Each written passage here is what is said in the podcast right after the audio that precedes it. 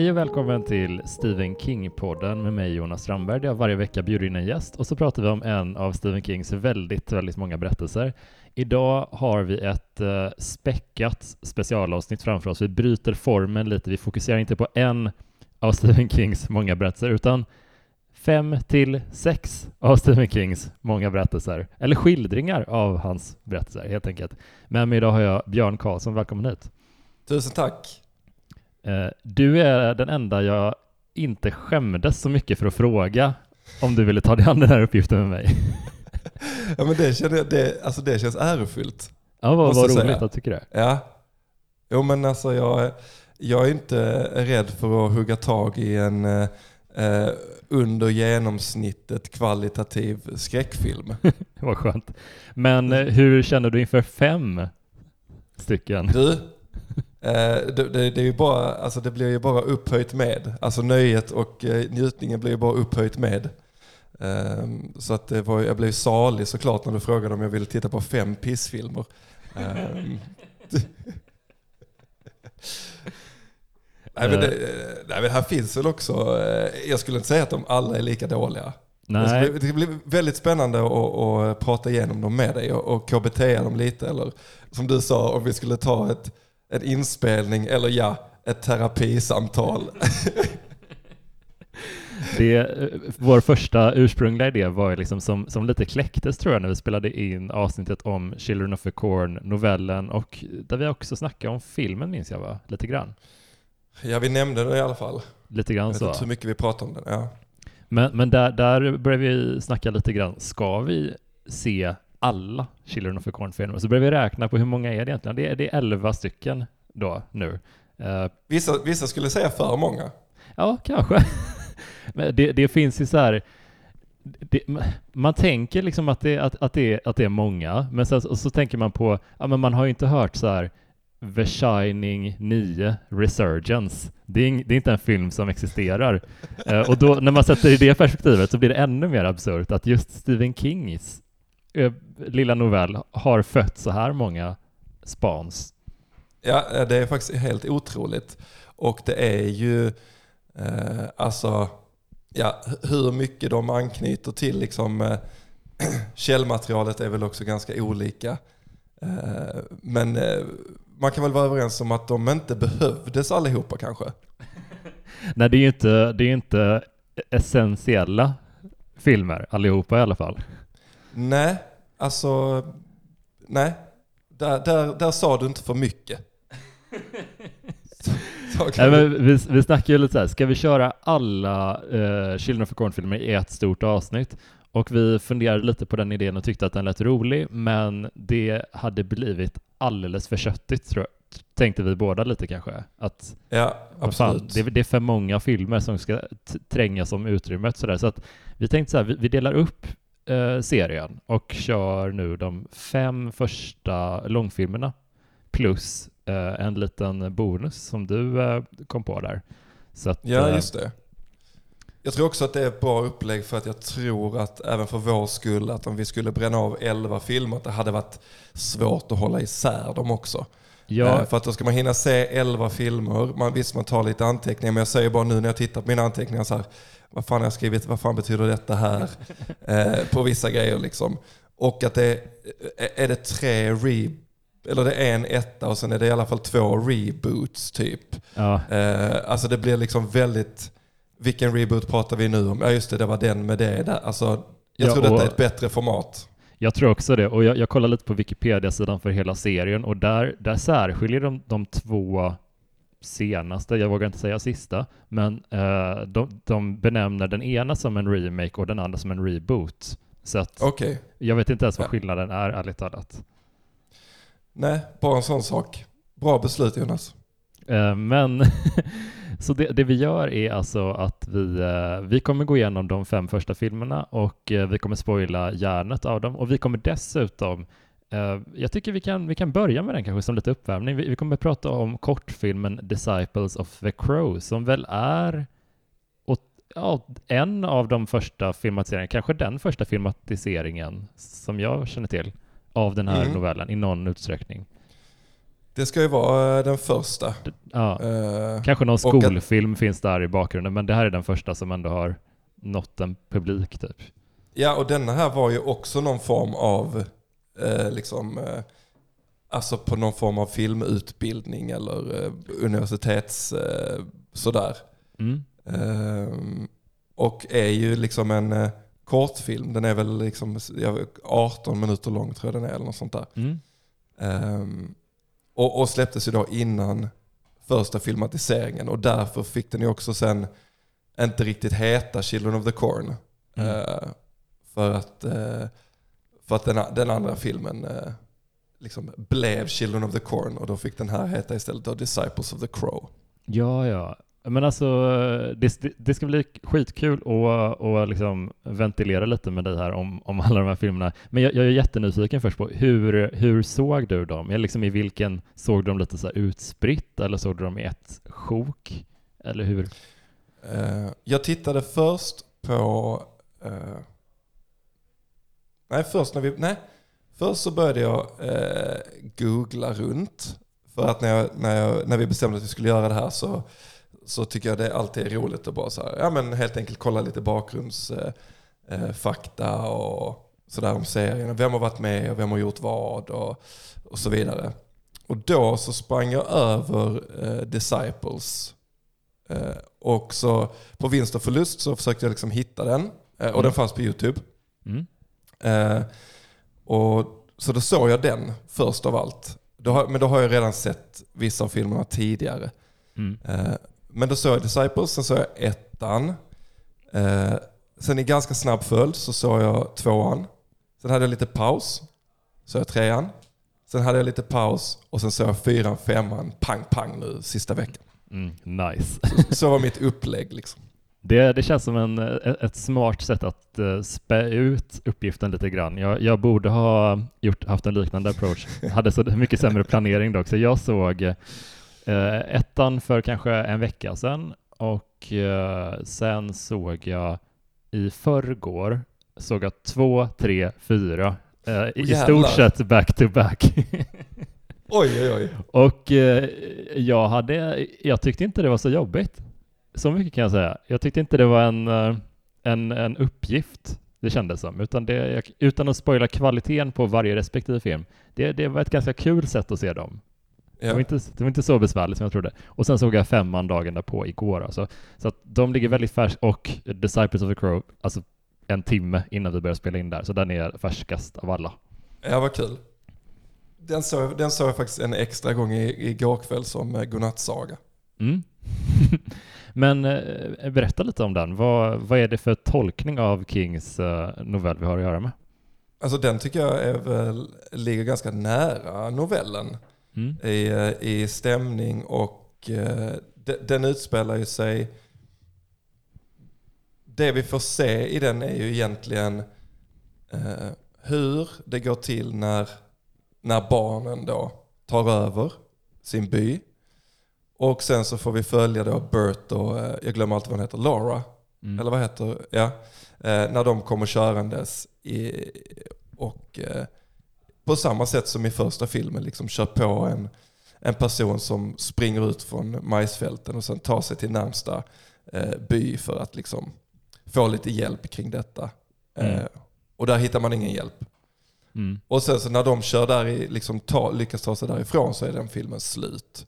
Och, mm. ibland, och, och, när jag tittade på den så kände jag lite att så, ja, det var det här som hade behövts mm. i filmatiseringsväg på ett sätt. Liksom. Eh, jag tycker den är rätt så, jag gillar den eh, faktiskt. Jag tycker den, det kan också vara att den är så här kornig, liksom eh, lite, det känns som att någon har hittat den där eh, filmen och den är lite obehaglig liksom. Ja, den, den har, har ju absolut sin charm och särskilt sättet som de skildrar den här ödelagda staden tycker jag är jätte, alltså snyggt rent av. Ja, verkligen. Och jag tycker också att eh, sättet som de, alltså eh, här så är det, i, nu blir det lite hopp fram och tillbaka, men i den här, i The Disciples, när, de liksom, när man märker att så, okay, nu, kommer det, nu kommer barnen göra det här, de kommer liksom slå ihjäl sina föräldrar. Och mm. Att det börjar med en sån ganska effektfull scen i kyrkan där eh, en, en man kommer och sätter sig bredvid en kvinna och hennes barn och man, man direkt förstår att det här är liksom en mammas nya kille. Mm. Eh, och, och pojken gillar inte honom och han ska vara lite check men man märker ändå att han gillar inte pojken heller. Mm. Och sen så sitter de i kyrkan och han börjar liksom att ta lite på mammans lår och pojken ser det. Mm. Och, och det, det, är som att de bestämmer att liksom det blir så, alltså vilket dekadent skit det här är vuxenlivet. Mm. Eh, liksom. Eh, alltså det känns som att, och där liksom får de ögonkontakt med varandra barnen så bara okej okay, nu kör vi typ. Ja. Jag tyckte det var så jävla effektfullt på något sätt. Ja. Eh. Ja, men det, det, det är en, en ett återkommande tema i hela serien so far, är ju den här, det här hatet mot att, eller, liksom, eller skräcken kanske, för att bli vuxen.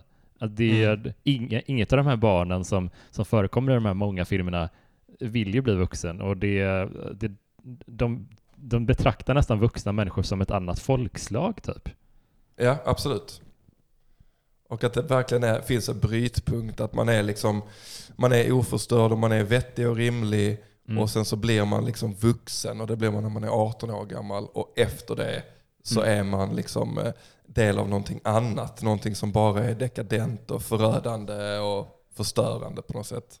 Ja, och det är ju ett, alltså vi, vi kan ju se några återkommande teman i hela serien så här långt i alla fall och det att det, det finns alltid majs och det finns alltid barn. Eh, ja. Och eh, de här barnen leds ofta av en person, någon typ av eh, väckelsepredikant, lite åt det hållet, som eh, förenar barnen och radikaliserar dem tills de då eh, gemensamt går till attack mot eh, byns vuxna.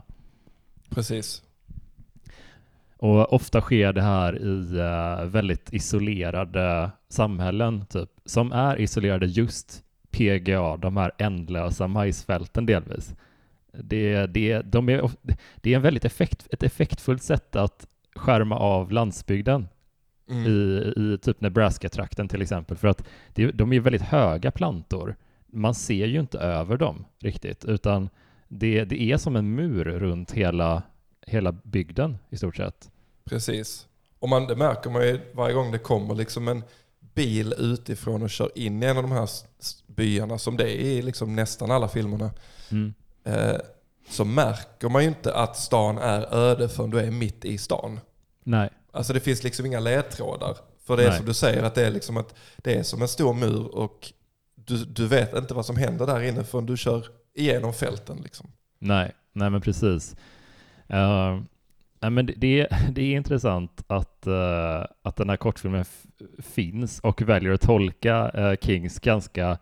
Uh, novellen är ju på 30 sidor bara. Det, det är väldigt lite källmaterial, men mm. jag tycker ändå Disciples of a Crow och den första filmen lyckas tolka det ganska bra och göra en, mm. en film av, eller filmer av det.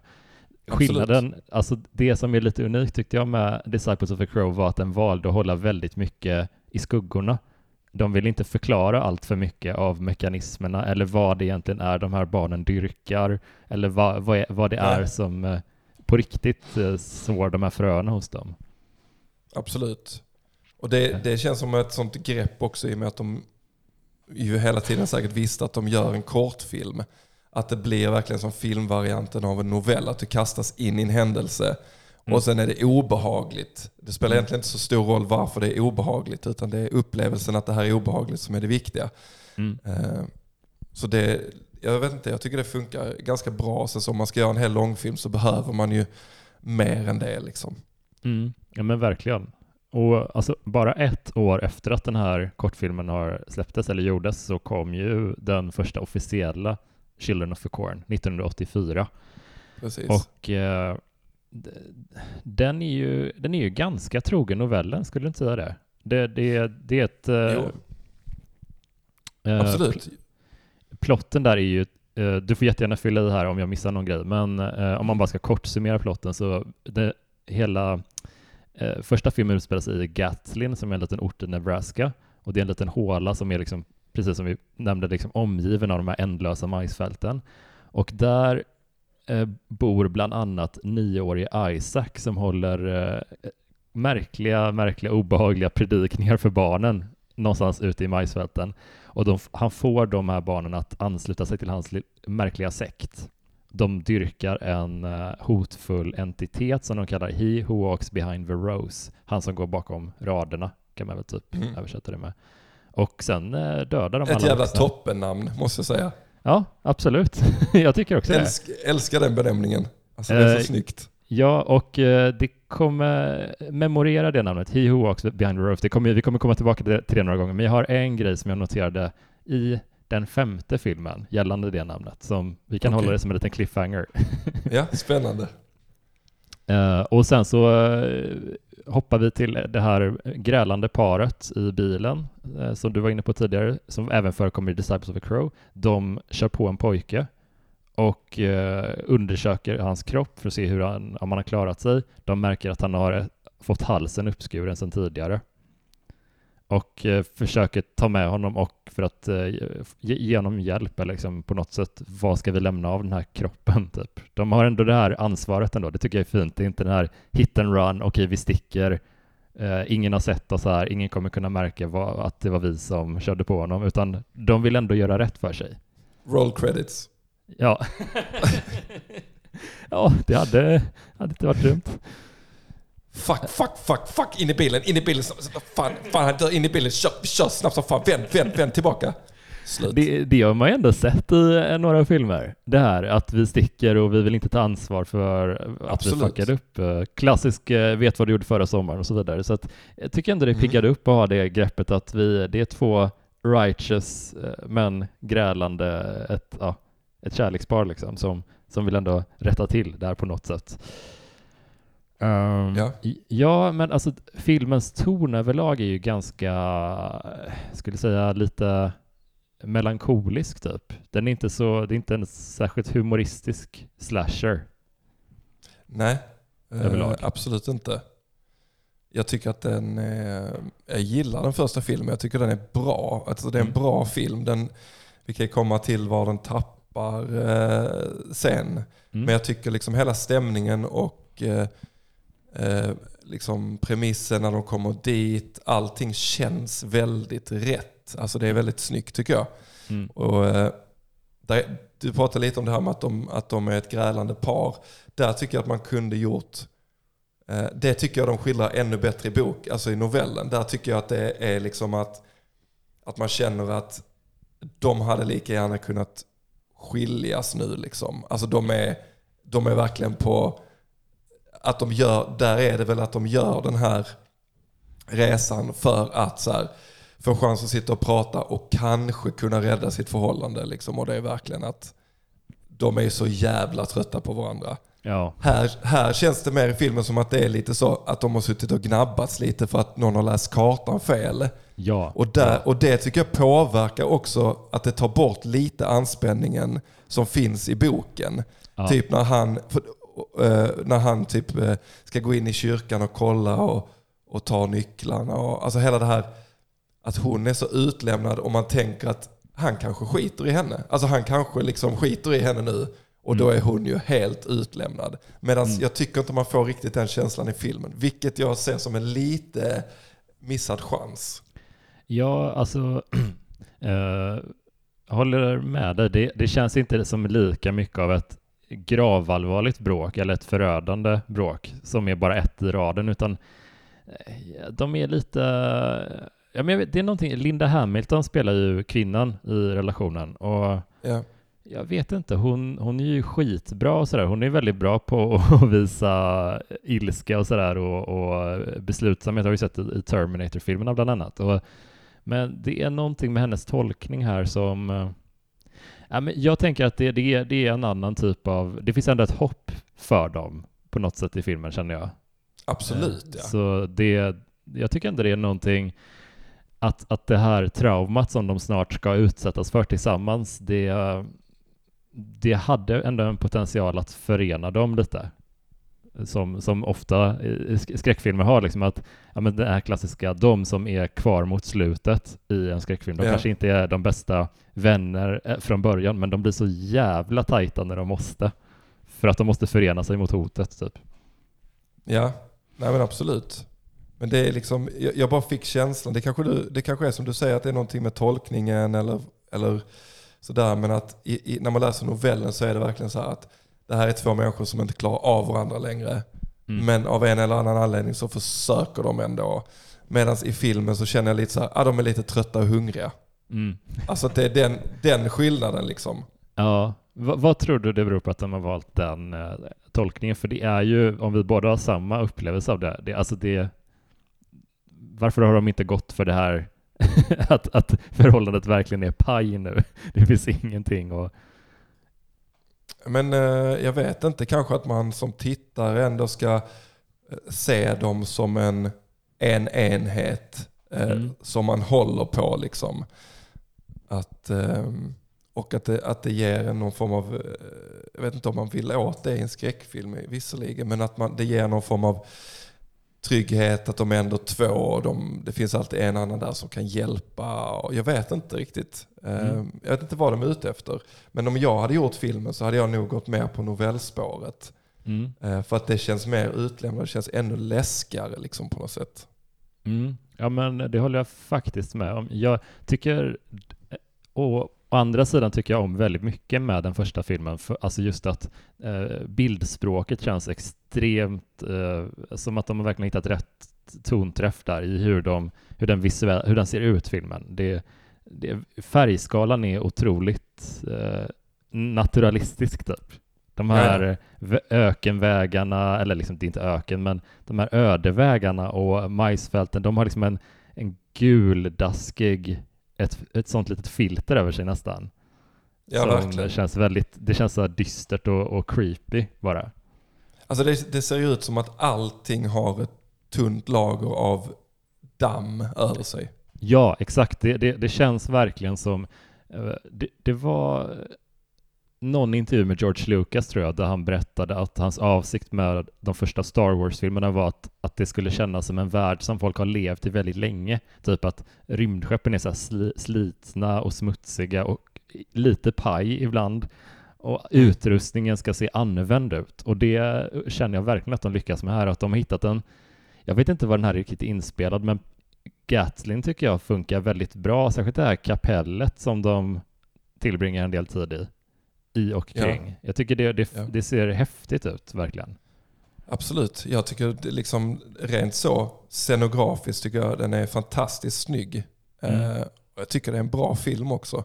Mm. Jag tycker att det enda som, eh, alltså det enda som egentligen drar ner den tycker jag sen är, är, är också det visuella. Men det är ju mm. sen när det kommer in liksom mer specialeffektsmässigt. Eh, mm. Där de kanske bet av lite mycket. Liksom. Ja, exakt. De, eh, de skiftar lite i sin approach till effekterna över seriens gång. Lite hur, vad ska vi gå, vilket håll ska vi gå åt och sådär. Eh, ja. Och det, det är en grej som kan ta mig ut ur storyn lite mycket ibland. Inte jättemycket i den här, men i en av de kommande filmerna som vi också kommer prata om idag, så kände jag mm. verkligen att men det här dödar typ stämningen. Det, det var lite eh, en buzzkill. kan det vara eh, i tredje filmen kanske? Alltså det är faktiskt den andra filmen. Okay, eh, okay. Som jag hade, mm. men ja, det... Ja men spännande. Ja, nej men det, jag gillar verkligen hur man är ändå avundsjuk på amerikanska filmskapare, att de har de här, eh, deras sta, stadsstruktur, liksom, eller samhällsstruktur, det är, det är väldigt western de har den här breda huvudgatan som sträcker sig igenom staden, de här låga husen vid sidorna som är lite, ja, eh, ja men ser lite skumma ut typ. De, det, det, är verkligen som att rida in i, i en stad och eh, ha en revolverduell. Det är den stämningen kring, kring Absolut, hur de ser ut. Och, och de ser ju ut så fortfarande många samhällen. Eh, de behåll, har verkligen behållit den här huvudgatan, låga hus. Så det, det, det är väldigt lätt i om man har möjlighet att filma i USA, liksom, eller den här, de här typen av landskap, så, så får man så himla snygga överblicksbilder av uh, samhället. Det, det är så himla lätt att skildra att det här är en öde stad. Det är bara en bild på den här stora gatan som bara är helt ödslig. Det finns inget liv på ja, den. Precis. Och så några liksom stängda affärer och Mm. Uh, alltså det, jag, jag hamnade på någon YouTube-kanal med någon eh, kille som åkte runt och besökte vad då, som skulle vara den fattigaste delen av USA som var liksom så här, ja men om det var runt Kentucky och där, eh, där det har varit massa kolgruvor tidigare men i takt med att alla kolgruvorna läggs ner så mm. finns det liksom ingenting och det har varit boomande sådana alltså gruvdriftsstäder som mm. bara dör. Mm. Eh, men alla de ser ut också på det här sättet med den här stora Main Street. Alla etablissemangen ligger längs med den. Stora sådana government buildings. Men allting är bara liksom naturen har tagit tillbaka allting. Så mm. det finns ju hur många sådana städer som helst i USA som verkligen ser ut exakt så. Ja, min, min farmor föddes i Gary i Indiana som är typ, uh, jag, jag, var, jag har hört lite om den stan tidigare sådär, men jag var ändå tvungen att jag satt och slö-youtubade där en veckan typ och bara, ja men undrar vad, vad, det, vad, vad man kan hitta om den stan nu. Och då hamnade ja. den liksom på den här listan, uh, och, den, och den hette typ så här, the most depressing cities in America. och det är precis det du beskriver, att de har haft en, en industri i stan som har tvärdött och då har folk flyttat ut. Men uh, deras hem och industrilokalerna är fortfarande kvar. Så att okay. samtidigt har de en lägre befolkning som betalar mindre skatt eh, och det finns inga intäkter för kommunen. Så allt de gör för sina pengar är typ att bibehålla fasaderna så att det inte ska se nedgånget ut så att det ska bli ännu värre. Ah. Så de, de trampar verkligen bara vatten ekonomiskt i Gary just nu, tyvärr, eh, och i många andra eh, städer. Men det, det är häftigt att titta på som turist så här. Ja, absolut. Eh, eller skräckfilmsälskare. Men, nej, men jag, jag, tycker generellt att den första filmen, eh, Children of the Corn 1984, att den, den håller ganska bra. Alltså det, det är mycket som är, funkar med den. Absolut. Jag gillar den också. Jag tycker den är bra. Jag älskar en scen som är äh, när han äh, kommer in i, äh, alltså Bert kommer in i kapellet första gången. Mm. Jag tror det är första gången i alla fall. Och är det då det är massa, är det, där är massa barn inne i kapellet. Jag vet mm. inte om han avbryter en gudstjänst eller liksom vad han nu gör. Mm. Eh, för då så eh, attackerar barnen honom, alltså så här springer på honom. Och han verkligen, som man tänker att man också hade gjort, att han bara så här slänger iväg dem liksom. Alltså, de är inget stort hot. Han bara så ja men hallå, flytta på det, skicka dem iväg liksom, tre, fyra stycken. Mm. Och det tycker jag är ganska effektfullt för att jag tror att just när det gäller barn, jag har svårt, jag vet vissa tycker det är obehagligt med barn i skräckfilm. Men jag har aldrig tyckt det. Utan när det är barn som är läskiga så tänker jag bara så, ja men sparka det i huvudet då. Alltså det är liksom, det, det, alltså, vad ska de göra? Ja. Och, och, då tycker jag det är så jävla snyggt att sätta in en scen där så här, ja men han kan göra det, han kan skicka iväg de här, men trots det så är de här barnen tillräckligt liksom många, har de tillhyggen, har de liksom den mentaliteten som de här barnen har, så är det livsfarligt ändå. Mm. Att jag, jag, tycker det är så jävla snyggt. Den scenen gör så mycket för mig när jag kollar på filmen. Mm. Eh, för då kan jag inte bara sitta och tänka så ja men sparka dem i huvudet då. Eh, för Nej, att det funkar jag, liksom inte här. Jag håller, också med, jag håller verkligen med om det, för att eh, jag är personligen mer eh, skraj för gamla människor i skräckfilmer. Jag tycker 100%, det är mycket 100%. mer effektfullt. De har levt. Ja, precis. De, de, har, de är helt samvetslösa. uh, men, uh, um, nej, men jag tänker att det, det har ju funnits en, en långvarig fascination för barn i skräckfilmer som förövare typ. Och jag tänker att den, den grundar sig väl någonstans i att vi inte ser på Alltså, vi ser på barn som oskyldiga och eh, när de då har en kniv och försöker hugga ihjäl dig så är det liksom, vad va fan är det här? Men nu har vi sett det så mycket. Vi som kollar mm. på mycket skräckfilmer, det, det är inte samma chock längre. Uh, och därför funkar det så mycket bättre att barnen fungerar som en svärm istället, eller en flock. Exakt. Det är mycket obehagligare. Och, och att han så tidigt som 84 lyckades på något sätt hitta den infallsvinkeln till det och jag tycker att det gör att den åldras mycket bättre och känns ändå fortfarande ganska obehaglig. Absolut. Den gör, uh, den gör mycket den scenen alltså. Ja, den är, den är riktigt snygg. Och det, det, att de har det här hive-mindet på något sätt tillsammans, det är, Ja, det är skitcreepy alltså.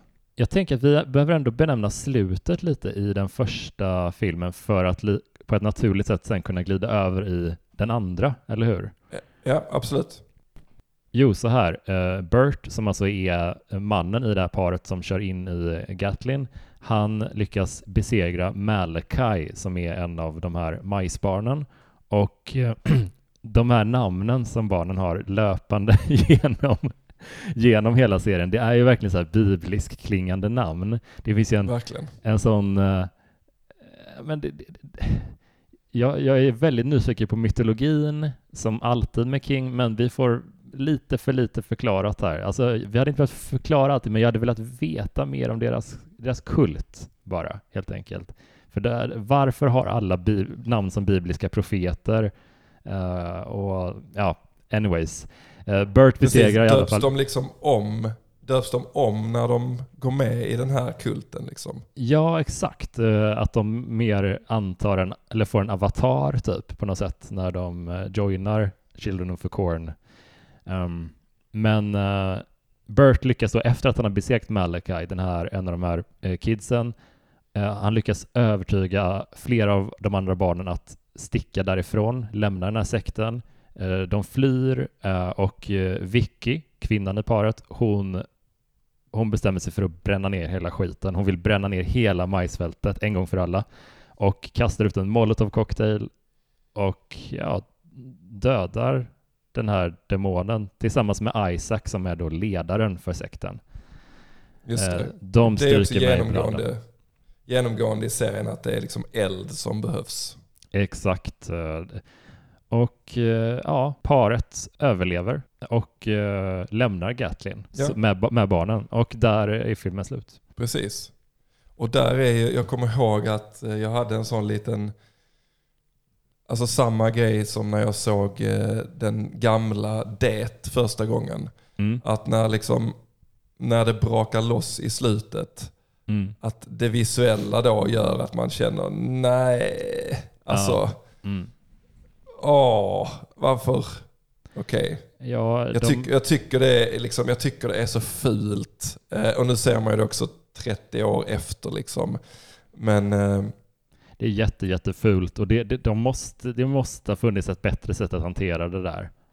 Uh, man, kanske hade, man, man, kunde ha lite tvetydigt kanske kring det här uh, He walks behind the rose. Det hade kunnat vara en osynlig kraft, typ. Uh, något som påverkade barnen bara, uh, liksom, som fick dem att göra sjuka saker.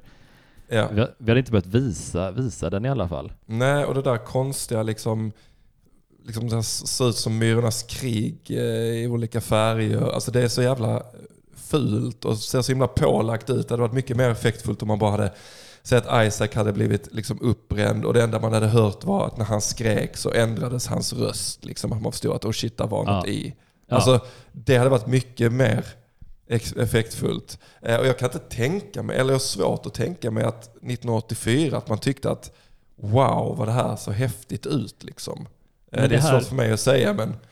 Det, det, här är en återkommande grej som jag, jag snackade lite om det i ett tidigare avsnitt där vi kom in på sidospår om uh, It Chapter 2 uh, eh, där mm. Alltså hela grejen med den, ett av de största problemen tycker jag är att de visar de har, de har oss i korgen, de har skapat en obehaglig stämning och sen så kastar de in en skrämseleffekt i ansiktet att det är något monster som flyger mot kameran typ. Det, det finns mm. liksom ingen...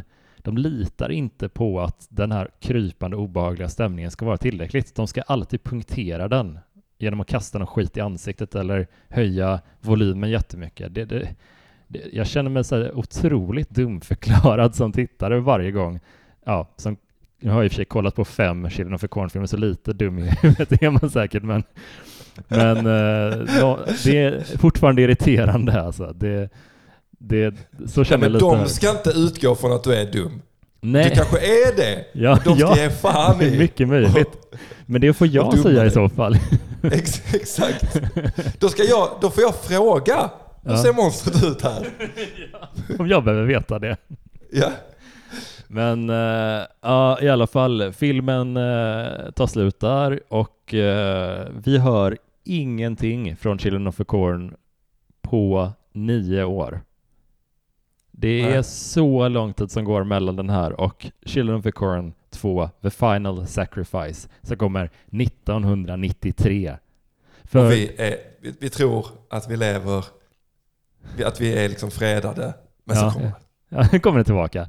Uh, och det, jag försökte gräva lite där, för att det är ju en stor, ett stort frågetecken. Varför finns det så många av just den här filmserien, i den här filmserien?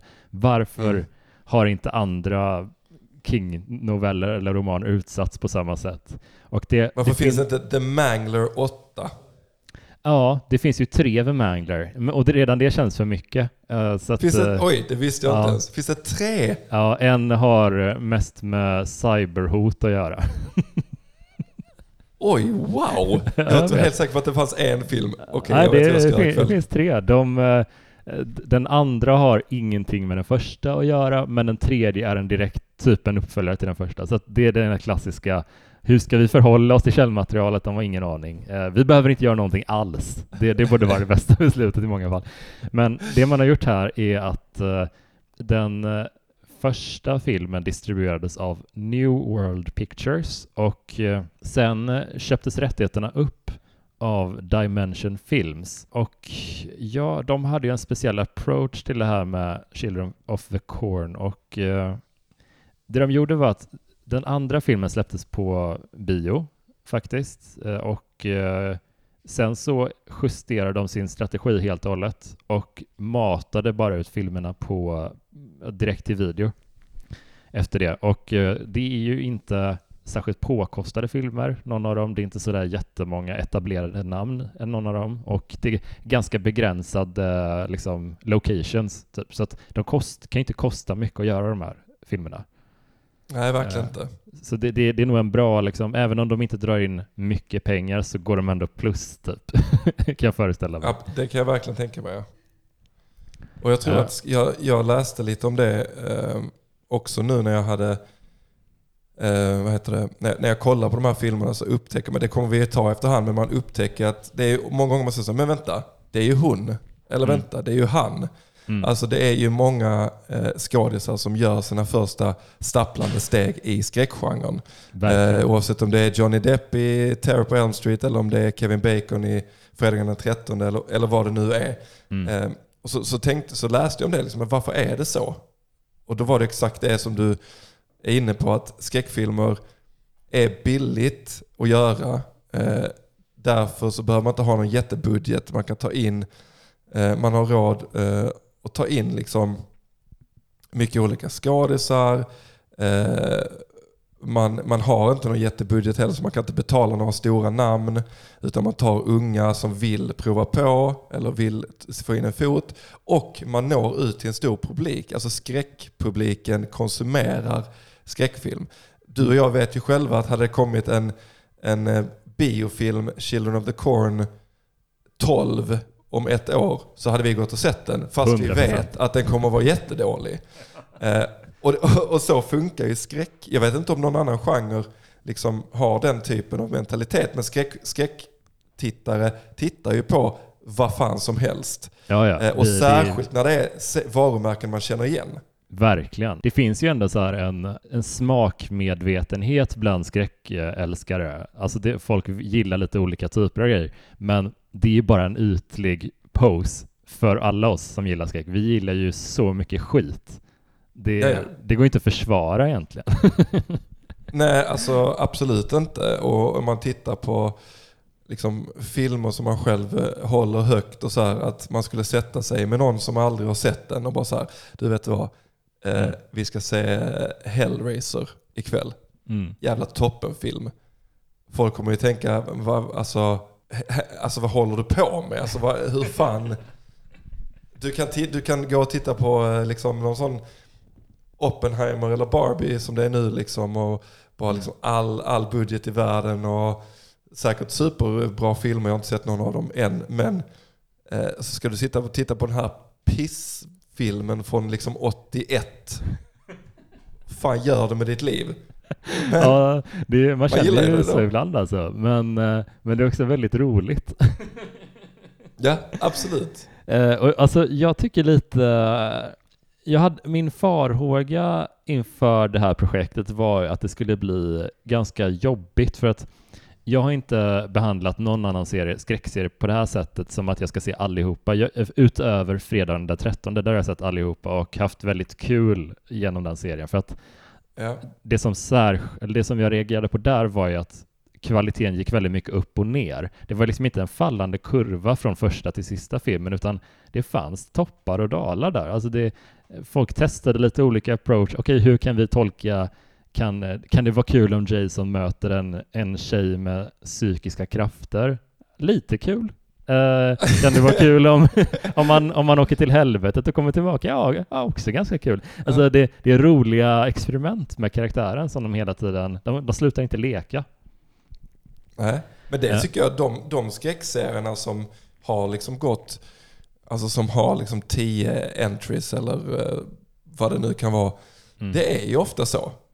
Alltså mm. det är ju ofta, jag tänker att det ofta är liksom att lite folk som är lite entusiaster tar sig an och bara okej okay, nu ska jag få ta mig an den här franchisen. Vad ska jag göra med det?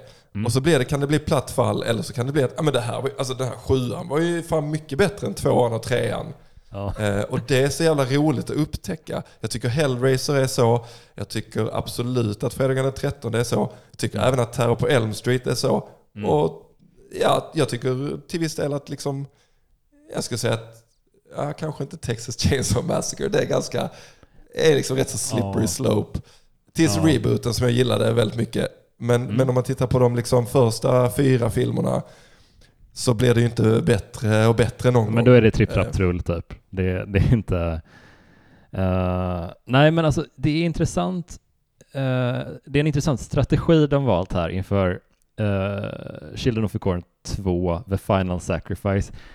Gillar för övrigt att de inte skäms för att ha kvar siffran Alltså den, den, den hänger med väldigt länge, den där hög, allt högre siffran i slutet. Det gillar man ju. det är jättekul. Det och, man. Ja, men det, det, är kul att de har franchise-namn, nummer, rolig undertitel. Det är min ja. bästa formel på, på titlar. Men, men visst har fredagen den 13 det också hela vägen upp till åttan typ? Mm, mm. Uh, ja, ja det, de, bara, de bara kör. Uh, det tycker jag är otroligt kul. Ja, mycket uh, bra. Men okej, okay, den kommer alltså då nio år efter den första filmen. Man väljer ändå att kalla den för, för två. Man, man går inte på spåret att ska vi reboota den här? Det kanske inte fanns den kulturen riktigt då, så att de bara, vi, vi gör en uppföljare till den här klassikern som, eh, ja men, kanske om man såg den som barn så var man nu i sina tonår och eh, ja men det, det betraktades kanske lite som en kultgrej att den kom på bio. Ja. Men sen blir det inte mer, för det, det, är ändå the final sacrifice. Ja, exakt. Och jag gillar att de så här, vi, vi vet i retrospektivt så vet vi att det här blir minst 11 filmer, men redan på andra filmen så kommer man med lite så här löften om att det är, det är slut nu, nu blir det inte mer. det är så jävla Nej. roligt. Uh, den, den utspelar sig i Hemingford, uh, grannstaden till uh, Gatlin i Nebraska. Och uh, det är en direkt uppföljare till den första filmen. Det är ganska kul att de, att de går för det spåret. För att det handlar om ett, att ett antal familjer i Hemingford, de bestämmer sig för att adoptera de barn som överlevt katastrofen från den första filmen. Men föga anar de att kulten, majskulten, håller på att åter, återetableras där ute i majsfälten. Eh, snygg, eh, snygg premiss. Ja, Bra ja. sätt att knyta an till förra filmen. Och Hemmingford känns ju också, det är ju klassisk eh, King-mark. Där har vi varit och besökt tidigare. Absolut. Eh, visst är Last Rung on the Ladder till exempel eh, utspelas väl i Hemmingford? Absolut, och, och Mother Abigail från eh, Pestens tid i Hemmingford Home. Precis som i den första filmen, det finns en pojke, Micah, i den här filmen. Han är besatt av He Who Walks Behind the Rose och försöker liksom sätta samman den här kulten en gång till. Jag tycker ett, ett problem som plågar den här filmen är att den känns så himla mycket äldre än vad den är. Den ser ut som att den kom typ året efter den första filmen. Den är lite fulare till och med på sina ställen tycker jag nästan. Uh, vilket mm. är lite av ett det är en gåta faktiskt, för det har gått många år och de bör ju ha liksom lite bättre teknik och sådär. Men uh, ja, vad, vad är dina spontana intryck först när du såg om den här nu? Uh, jag gillar inte den här filmen mm. uh, direkt. Nej. Jag tycker att den är alltså den är så jävla platt. Just i hur, eh, alltså huvudkaraktären här är ju liksom en pappa och hans son. Och de, de är också lite tjafsiga och sonen, eh, liksom, han pappan har nog varit ganska frånvarande och då skilt sig från sonens mamma. Och, och så, men det är så jävla liksom platt då att de, då ska de komma hit och så ska pappan hitta en snygg tjej och sonen ska hitta en snygg tjej. Och det ska liksom, alltså mm. det är bara så jävla... Jag vet inte. Nej, men... Jag tycker verkligen inte om den här filmen. Jag tycker också att den är helt ambivalent. Den, den, den vet inte vilket ben den ska stå på. Den, den försöker vara liksom stämningsfull samtidigt som att den kastar in sådana jävla pisstråkiga, roliga scener så att säga. eh, och, och också när det gäller själva vad är det som händer? Alltså varför är barnen som de är och sånt. Så känns det heller inte som att den vet själv. Alltså den prat, det är liksom två spår som går parallellt och man vet inte vilket som är huvudspåret egentligen. Uh, har man sett uh, filmen så blir det väldigt förvirrande nu när jag pratar förstår jag. Men, men det finns ju det här att, att Hemming, i Hemmingford så har man försökt sälja uh, massa majs som egentligen är dålig majs från förra årets skörd. Mm. För att dryga ut intäkterna av detta årets skörd. Och på den här gamla majsen så finns någon form av mögel som man tänker att okay, det här möglet påverkar människor kognitivt och får barnen att göra konstiga grejer. Det är liksom ett spår.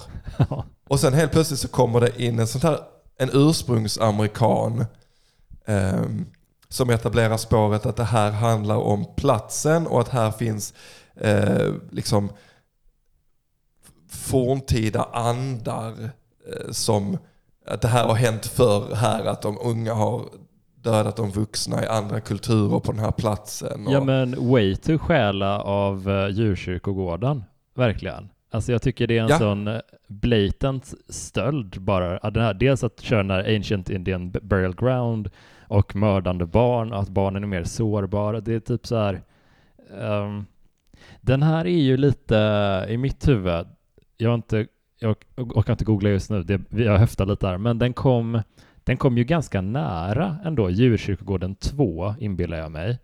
Uh, och mm, okay. då, man kan liksom dra lite paralleller mellan Children of the Corn 2 och Djurkyrkogården 2. Båda är så här uh, identitets... Uh, mm, vad ska man säga? Lite jag-svaga uppföljare till ganska mörka ursprungsfilmer typ. Och ja. där ursprungsfilmen var ganska trogen Kings källmaterial. Men, och båda är, i både fallet Djurkyrkogården 2 och Children of the Corn 2 så är de mycket mer goofy i tonen än vad det var något med det här tidiga 90-talet kanske. Den här eh, att de måste ha den här typen av humor där i sådana filmer. De kände, de kände att de, vi kan inte bara göra det här läskigt, vi måste göra det lite kul också. Mm, det måste vara lite så rappa kommentarer. Eh, och sen så, sen så går, slår, slår ju alla liksom eh, allting i taket i den här bingohallen. När, eh, mm. när hon, kvinnan fly, flyger in med rullstolen genom eh, rutan. Mm. Eh, och någon utbrister bingo. Ja. Eh, då, vill, då vill man ju bara skalla tvn. Det, det, är en så töntig scen. Alltså jag vet att den har, jag googlar runt lite, den verkar ju ha varit en sån eh, lite så kul, lite som i Troll 2, flera, film, flera scener från den gamla skitfilmen.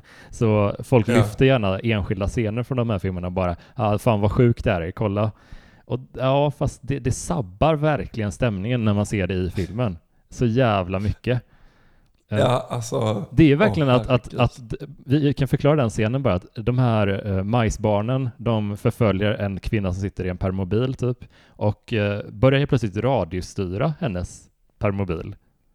Yep. Och uh, kör, hon, och det, det är liksom en, en, clo, en ganska lång close-up på hennes ansikte, där hon skriker i panik. Och, och här, där, där, där skrattade jag lite stressat när jag såg den här i min ensamhet. Och bara, vad, vad är det här liksom? Men, eh, men sen eh, kulminerar den scenen i att de stannar hennes permobil framför, mitt på vägen och hon andas ut för att hon har liksom inte, hon har inte blivit påkörd och då kommer en stor lastbil och bara prejar på henne. Så hon och hennes permobil flyger in genom fönstret till en bingohall uh, och uh, en gubbe där tittar sig över axeln på det här liket som har flugit in bakom honom och säger bingo. Är helt oberörd. Ja, helt, ingen. Vänder fram blicken, höjer bingobrickan och säger bingo. Det, vad, vad, vad är det för människor som bor i den här världen? Det, det, ja. det, det är nära, okej jag fattar, man kan, göra, man kan göra en kul film, man kan göra en läskig film, men när man börjar mixa tonerna så här, då tar man inte någonting på allvar. Det är ingenting som, eller ta på allvar, misstolka mig inte nu ni som lyssnar. Jag menar, eh, man bryr sig inte om när någonting hemskt drabbar någon, när man vet att ingen annan gör ju det. Då blir man inte investerad Nej. i det som hände sen. Nej, och, och för att det är en annan scen också där, de, eh, där en annan äldre dam mm. eh, dör när hon, liksom kry, hon, hon kryper in under krypgrunden på sitt hus. Eller under huset som står på någon sån här, jag vet inte vad det heter, jacks på domkraft. Någon form av liksom... Ja, just det. Så.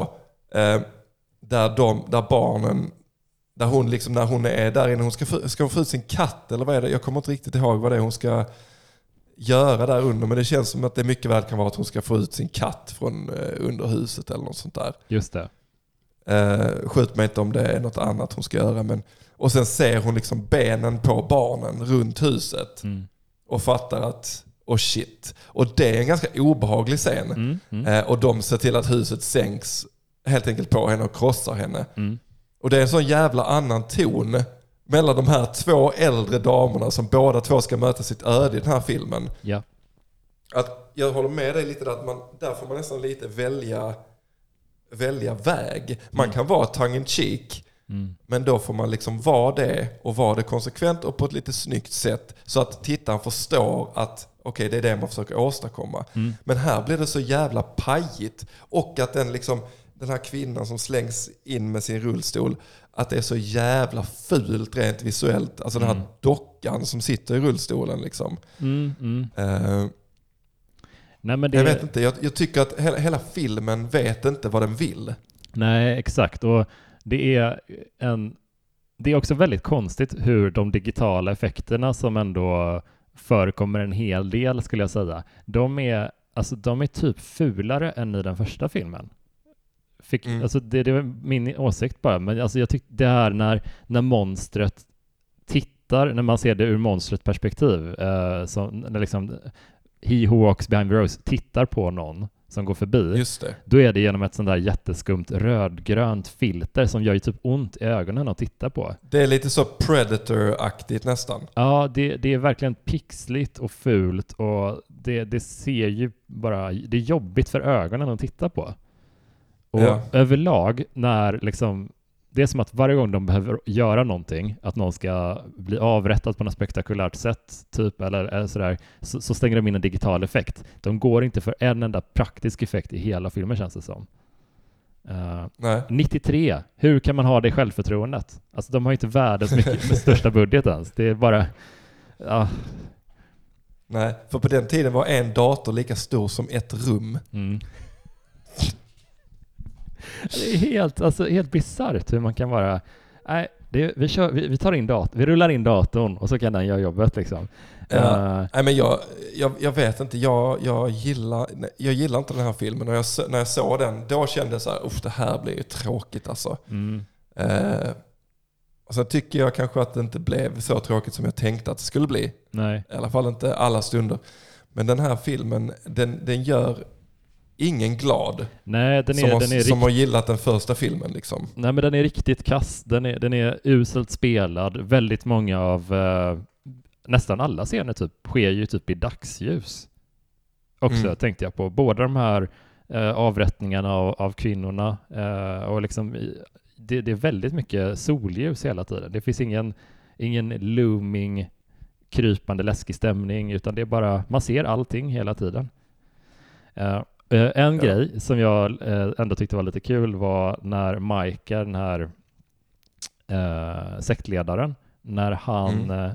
när han dör i slutet, då blir han liksom, det är på majsfältet och han blir liksom, hans kläder fastnar i en sån där, ja men någon typ av jag vet inte, någon stor maskin. En skördemaskin eller någonting. Ja. ja, och det påminde så mycket om en scen i The Mangler när eh, en karaktär där fastnar med sin eh, rock i mangen och inte kommer på tanken att bara ta av sig rocken. För det är ju den som sitter fast Han bara skriker i panik att han håller på att dras in i maskinen.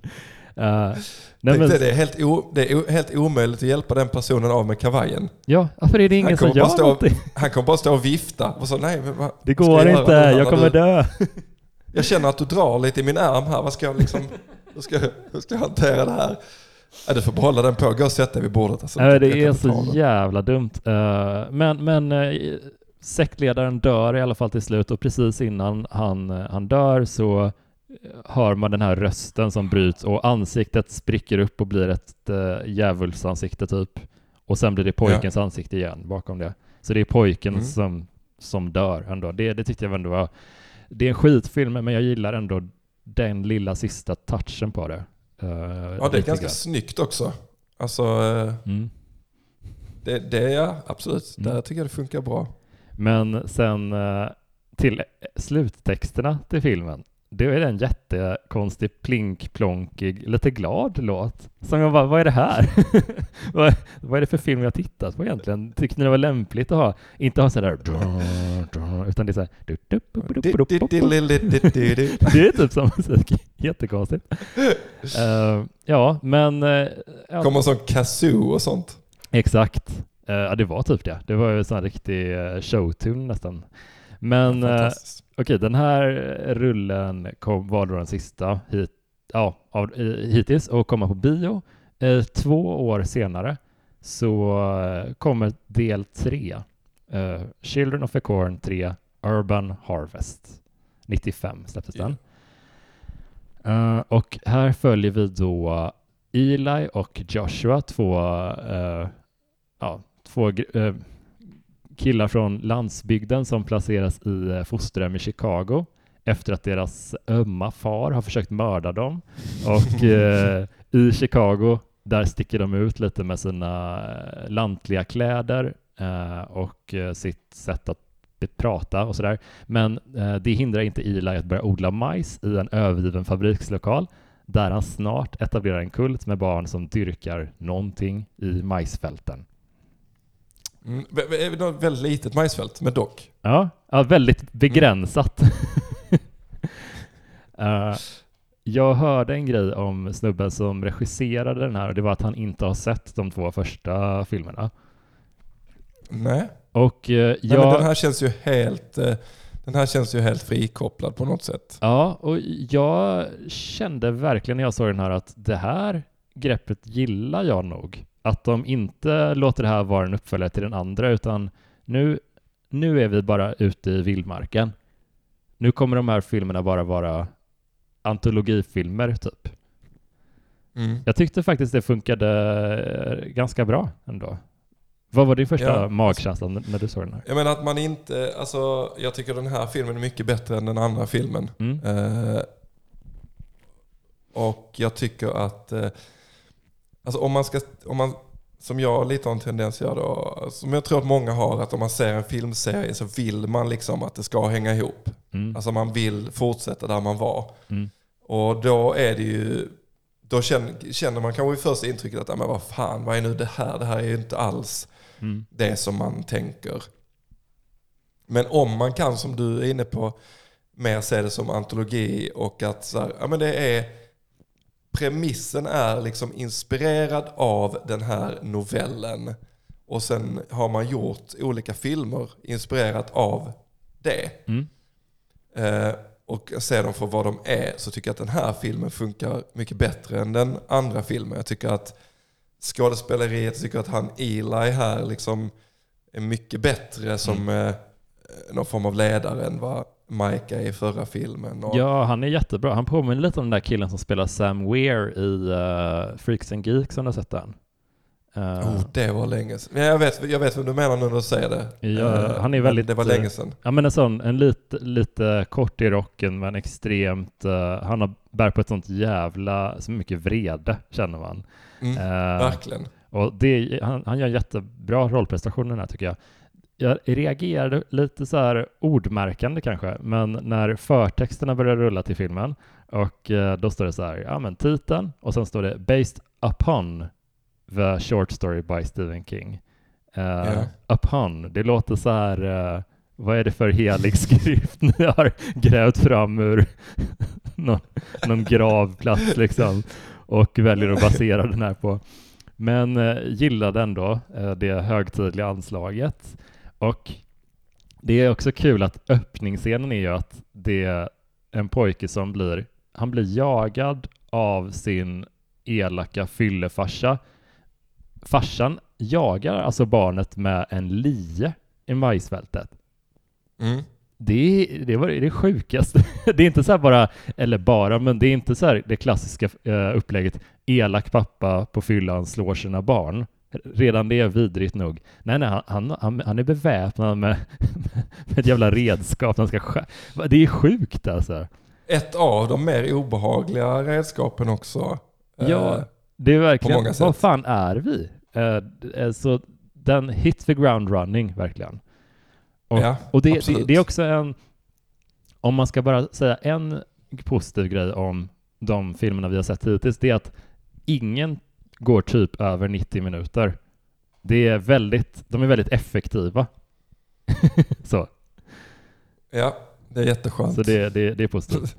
Men här, den, denna filmen är ju, här saknar man ju nästan de här dataeffekterna.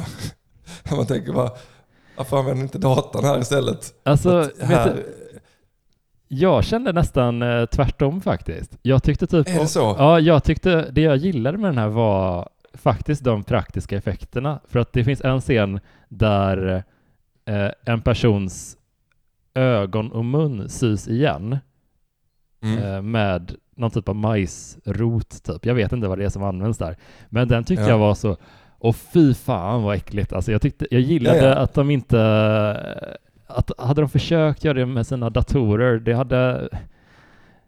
Jag tycker... Nej, det, jag håller med, absolut. Jag är nog mer insnöad på monstret i den här filmen som jag, som jag tycker är liksom... Ja. Det... Fy fan vad det är kass. Också i liksom, för då, då tänker man också i relation till vad man själv har gjort för bild av vad det här He Who Walks Behind the Rose är. Mm. Och så är det liksom en sån jävla muterad piranha-planta från Super Mario liksom. Ja, men, Som är så jävla ful. Ja men det är också en, en sån, ett sånt monster som, det ser inte ut som att jag hade förväntat mig att He Who Walks Behind Rose skulle vara en manipulativ, lockande, tänkande varelse typ. Eller någon, något, någon ja. entitet. Men det här är ju bara ett köttmonster. Det, det, känns inte som att det, det här monstret lyssnar på någonting om man tillber det eller någonting alls. Nej. Och vad, vad fan ska du göra ditt jävla må Alltså jag, då går, jag vänder jag och går härifrån. Vad ska du göra? Mm. Mm. Ska du hasa dig efter mig eller? Ja, det, det är ju... Alltså om man tycker att de visade monstret för mycket i, i någon av de tidigare filmerna. Det här är alltså out of this world vad de visar monstret i, i finalen av den här.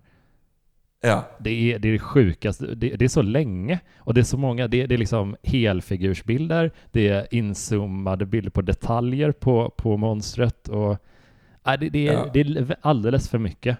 Jag tycker liksom inte att det ska vara ett monster. Alltså vi kan komma, jag tänkte ta upp det i, när vi pratar om eh, nästa film. Mm, mm. Eh, för där känner jag att det finns en sån otroligt missad chans typ. Mm, mm. Eh, men just det här monstret tycker jag har ingenstans, alltså har ingenting att göra här i den här serien. Nej, nej det är faktiskt, uh, det, det sabbar verkligen stämningen för att jag tycker det finns en stämning uh, i den här ändå. Det, det, är inte, det är inte fantastiskt på något sätt alls, men uh, hela den grejen hur Eli blir, uh, blir lite mobbad typ när han kommer till skolan och för att han mm. har lite amish, de båda grabbarna har ju så lite amish look typ.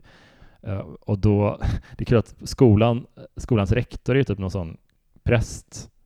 Uh, och uh, han ändå är liksom barn beväpnade med kniv på den här skolan. Man tänker att det ska vara liksom den här katolska pojkskolestämningen, att de har lite så här, ja men lite kanske uniformer och sådär, men det är verkligen bara en stökig vanlig skola. Så det, det är lite ja. konstigt, vad, vad ska vi gå? Ska vi gå efter den kristna grejen eller uh, urban-stämningen typ. Jag vet inte. Det...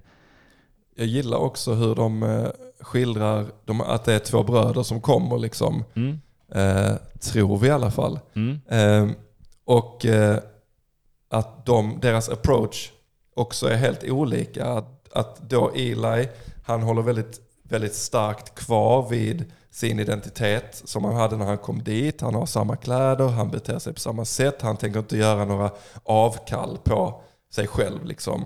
Mm. Och det slut, slutar också då med att han inte heller kommer in i den världen. Medan hans storebror då ja, men han tillåter sig själv att säga, men jag provar att är med och spela basket. Jag provar att hänga här lite och, och liksom assimileras på ett annat sätt. Vilket mm. också skapar slit, slitning mellan dem. Mm. Som skildras ganska snyggt tycker jag faktiskt i denna filmen. Ja, jag tycker också det, det är snyggt och jag gillar, här har de uh, Mm, den, det här är ju inte en, en särskilt humoristisk eh, majsfilm, utan, men det finns en grej som jag tyckte var faktiskt rolig, men på ett sånt där mörkt sätt. Typ. Det är när barnen kommer hem till eh, sin nya fosterfamilj i Chicago. De ska käka den japanska specialiteten pizza. Uh, och uh, börjar liksom, pappan i familjen, han ska stoppa i sig en slice och sådär. Och då avbryter Eli och säger, men hallå, ska vi inte säga bordsbönen? Och uh, Eli tar då själv initiativ till bordsbönen och jag skrev ner den, för jag tyckte den var så himla rolig. Det här är alltså Elis bordsbön hemma hos sin nya fosterfamilj. Här hade man dratt öronen åt sig som fosterförälder och tänkt, ah, okej. Okay. Mm. Eh, om jag, om jag sover först så sover du sen. Ja.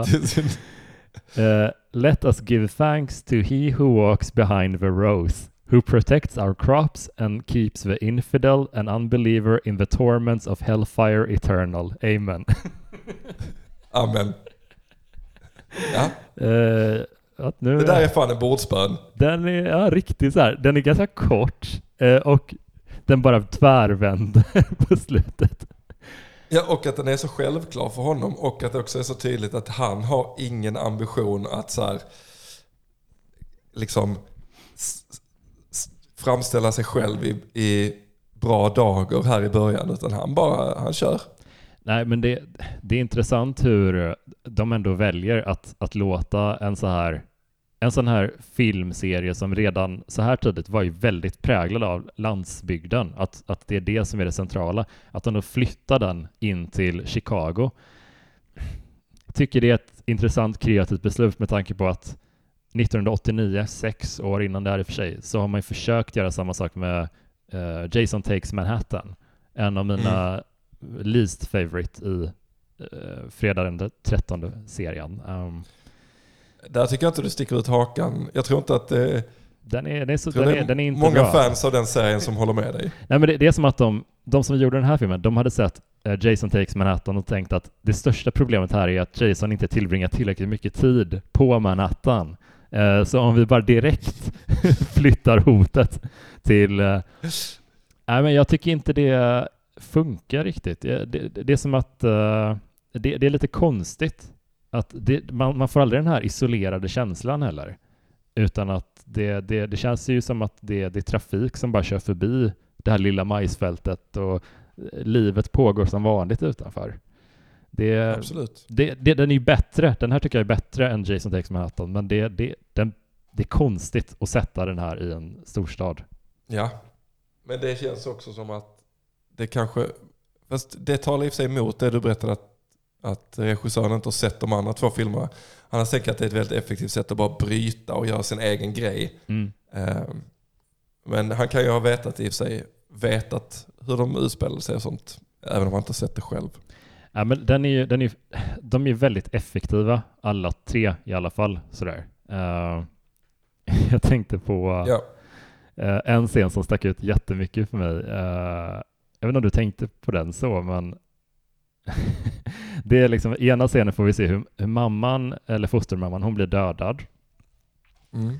I nästa scen, alltså bokstavligt talat nästa scen, klipp till att pappan är på hennes begravning och tackar för att alla gästerna har kommit dit. Det är liksom, hon, hon dör, begravningen är slut. Det är den ordningen på scenerna. Vi får inte se honom hitta hennes kropp eh, eller sörja eller någonting, utan det är bara ja, nu är begravningen slut. Vidare, fort, skynda! Det, det, det är som panik kring det där. Ja, men och ibland är man tacksam för det också. Ja, alltså det hade ju varit en sån där en sån modern skräckis där allting ska handla om trauma och sorgebearbetning typ. Det här är ju mm. inte riktigt en sån film. Um. Nej, inte riktigt. Va? Men vi får, eh, vi får i alla fall också se Charlize Theron. Mm, just det. Vilket, eh, hon gör inte så mycket. Men jag vet inte om det är, kan det vara första gången hon eh, syns i ja, filmsammanhang? det känns så. Det, det, det, det finns ju några, eh, även i de två sista som vi kommer snacka om i, i dagens avsnitt, där dyker det ändå upp kända skådisar i väldigt tidiga roller, så det tycker jag är superkul. Absolut. Uh, ja, det, det är skräck, skräckfilmsfenomenet. Ja. Vad tycker du om ryggradsscenen? Färska upp mitt minne. uh, det är så att, uh, jo så här. Joshua och hans kompis, de ska hämta Elis bibel och den här majsbibeln. Då hugger monstret tag i huvudet på kompisen och drar huvudet från kroppen så att ryggrad, ryggraden följer med. Just det. Kommer du ihåg den? Det, det, är inte det också direkt från, eh, precis som att det andra var direkt från, är inte det också direkt från Predator? Det är mycket Gör möjligt. det är mycket möjligt. Gör det också exakt så i någon scen. Jag har för mig det. Men jag, äh, jag, Nej, men det... Den är ju sjukt överdriven, men jag blev ändå så här, åh fy fan det, det var ändå att jag, jag blev engagerad i den våldsscenen alltså. Ja, det är, det är ett snyggt grepp. Sen rent anatomiskt hur det liksom går till eh, med revben och så vidare. Va? Eh, får någon annan eh, diskutera. Mm. Men, det, men, men, det är ju snyggt. Absolut, men den, den har några sådana där ganska om man bortser från hur, hur de skildrar He Who Walks Behind the Rose så tycker jag det funkar ganska ofta med våldsscenerna. De, det känns som att det finns lite tyngd i dem på ett annat sätt än vad det ja, alltså, Scenen där mamman dör är också rätt så obehaglig. Mm. Uh, det jävla spettet liksom. Mm. Så ja. att, uh, nej. Absolut. Men uh, ja, jag tog, jag tog, jag tagit onormalt mycket anteckningar för, för, den här gången så att jag försöker bara prioritera lite. Ja. Är det någonting som... jo, den här scenen där läraren eller den här kvinnan som jobbar på skolan, hon tänder en tändare och Eli får då den här eldslågan att flyga in i hennes mun. Alltså det, ja. det är så konstigt. Jag känner att jag kommer fan inte ihåg eh, alla de här eh, det, det, det är så konstiga...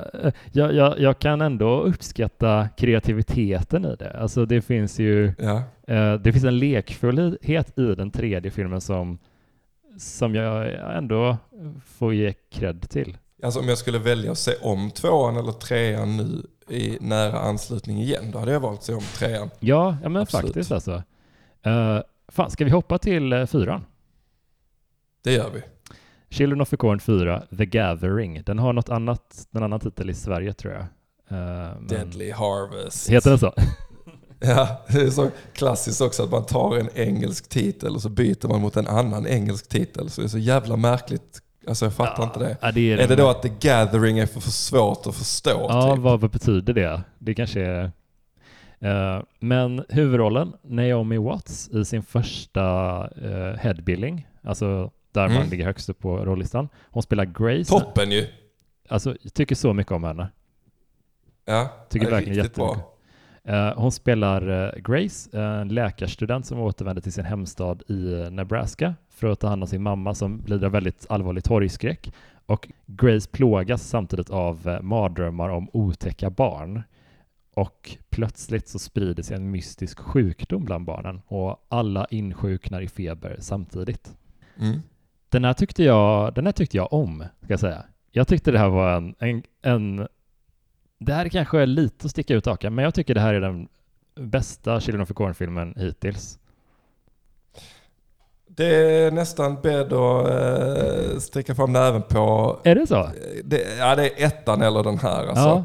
Men, men, men det är så roligt med denna filmen för att jag, när jag först, liksom när den börjar, så bara kände jag, Alltså vad är det här? Alltså det, nu, nu är det liksom, nu har vi hoppat över hajen och nu är det, nu är det rent piss. Mm. Och mycket av det var, tror jag, det visuella. Det här att man, att man har kört någon form av fish eye.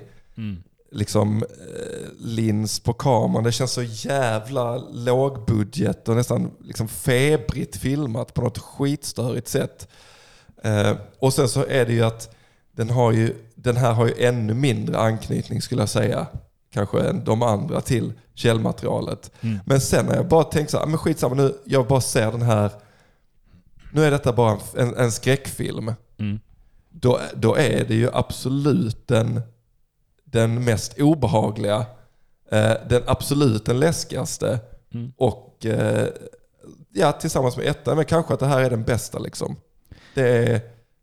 Nej, um... nej men alltså verkligen, den, den, kom ju bara ett år efter trean också. Så att det, det är mm. verkligen en snabb pickup från en, en eh, spexig Eh, spexig slasher med väldigt mycket praktiska grisiga effekter till den här som är en ganska kompetent genomförd skräckfilm med väldigt så här mm. snygg uppbyggnad. Det här, den här förvirringen kring vad är det som orsakar sjukdomen hos barnen? Vad är det som händer? Och dessutom att de låter den här eh, pojkpredikanten då som alltid återkommer, han är liksom lite i skuggorna hela tiden. Han är inte sådär, Precis. titta här är han och här håller han sin hemska predikan framför kameran, utan han, han, han är verkligen ett skugghot, typ. Ja. Nej, men jag gillar verkligen den här och, och eh, kul också mamman, eh, hon eh, spelas av Karen Black, mm. som om man är skräckfilmsfantast så känner man säkert igen henne. Mm. Eh, inte minst från en av mina, mina favoritskräckisar, House of Thousand Corpses, där hon spelar mm. Mother Firefly. Ja, eh, just det. Spelar mamman i den familjen det. också. Shit vad kul. Mm. Uh, nej men uh, hon, är, hon är skitbra och även en teknisk detalj som funkar mycket bättre i fyran än i ett till tre skulle jag säga är belysningen är överlägsen ett till tre. Alltså det är sånt otroligt arbete med skuggorna, eh, att dölja ansikten i, i lite mörker, precis så mycket som behövs, men man kan ändå ut, urskilja liksom mimiken. Eh, ja, men jag tycker det är väldigt, väldigt snyggt. Mm. Uh, mycket sker nattetid också. Det, det gör, men det, ja, verkligen. Men man kan ändå navigera till så mycket man behöver. Typ. Ja. Och just det här liksom dröm, drömaspekten, att det är liksom Alltså de, de jump scares, eller vad man ska kalla det, som, en, som ändå finns i den här på ett sätt som de kanske inte har funnits i tidigare, mm. är ganska effektfulla. Och mm. det var ett par scener som man sa, oh jävlar, alltså att man, det var liksom, mm. det blev lite läskigt liksom. Mm. Och det är ju alltid kul när man kollar på skräckfilmer, när de, lyckas med det. Ja, men... Sen tycker jag att, alltså jag måste ändå, att vi har ändå gått igenom, vi har sett tre filmer som, som inte är, är toppen liksom. Och där är, mm. vi har scener i alla tre som, där vi känner att usch det här, inte minst eh, bingoscenen. Eh, men det är nästan så att jag tycker att den dummaste scenen i hela serien är i denna filmen. Mm. Och det är ju när den här äldre mannen ska, eh, han har tappat en spritflaska eller på något sätt liksom, han ska, han ska få upp en spritflaska från marken. Mm. Och, och, för att ta sig till den spritflaskan så lägger han sig raklång ner och ålar sig under någon form av jordbruksutrustning mm. som, som liksom står som en, tänk er ett, en, en mackgrill mm. som man liksom öppnar och ställer. Eh, och på, på, insidan där så är det de här liksom stora taggarna.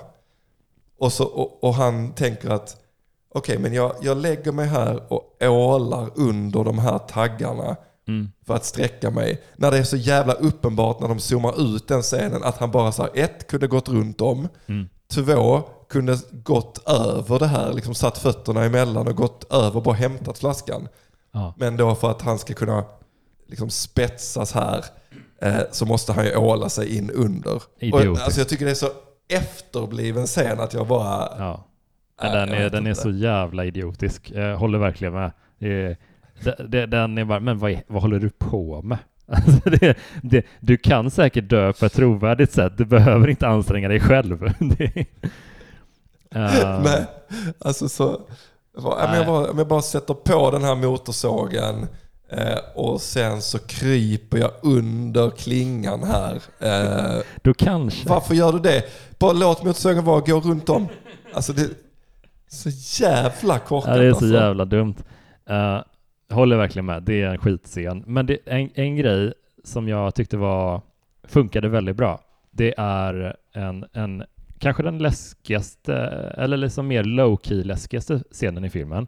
Det är när uh, byns doktor, han sitter där Mm. och uh, han uh, på sjukhuset och pratar med två identiska tvillingar, uh, Charlie och Scott. Och så säger han till den ena, eh, han kallar den ena av dem för, för Charlie och den här pojken säger jag är inte Charlie. Eh, och sen så är det lite mer och sen tar den scenen slut. Och sen så sitter Naomi Watts karaktär, hon sitter med en, eh, en liten tjej ensam i en bil och då eh, frågar Naomi Watts den här flickan, hur är det Margaret? Och flickan svarar, jag är inte Margaret.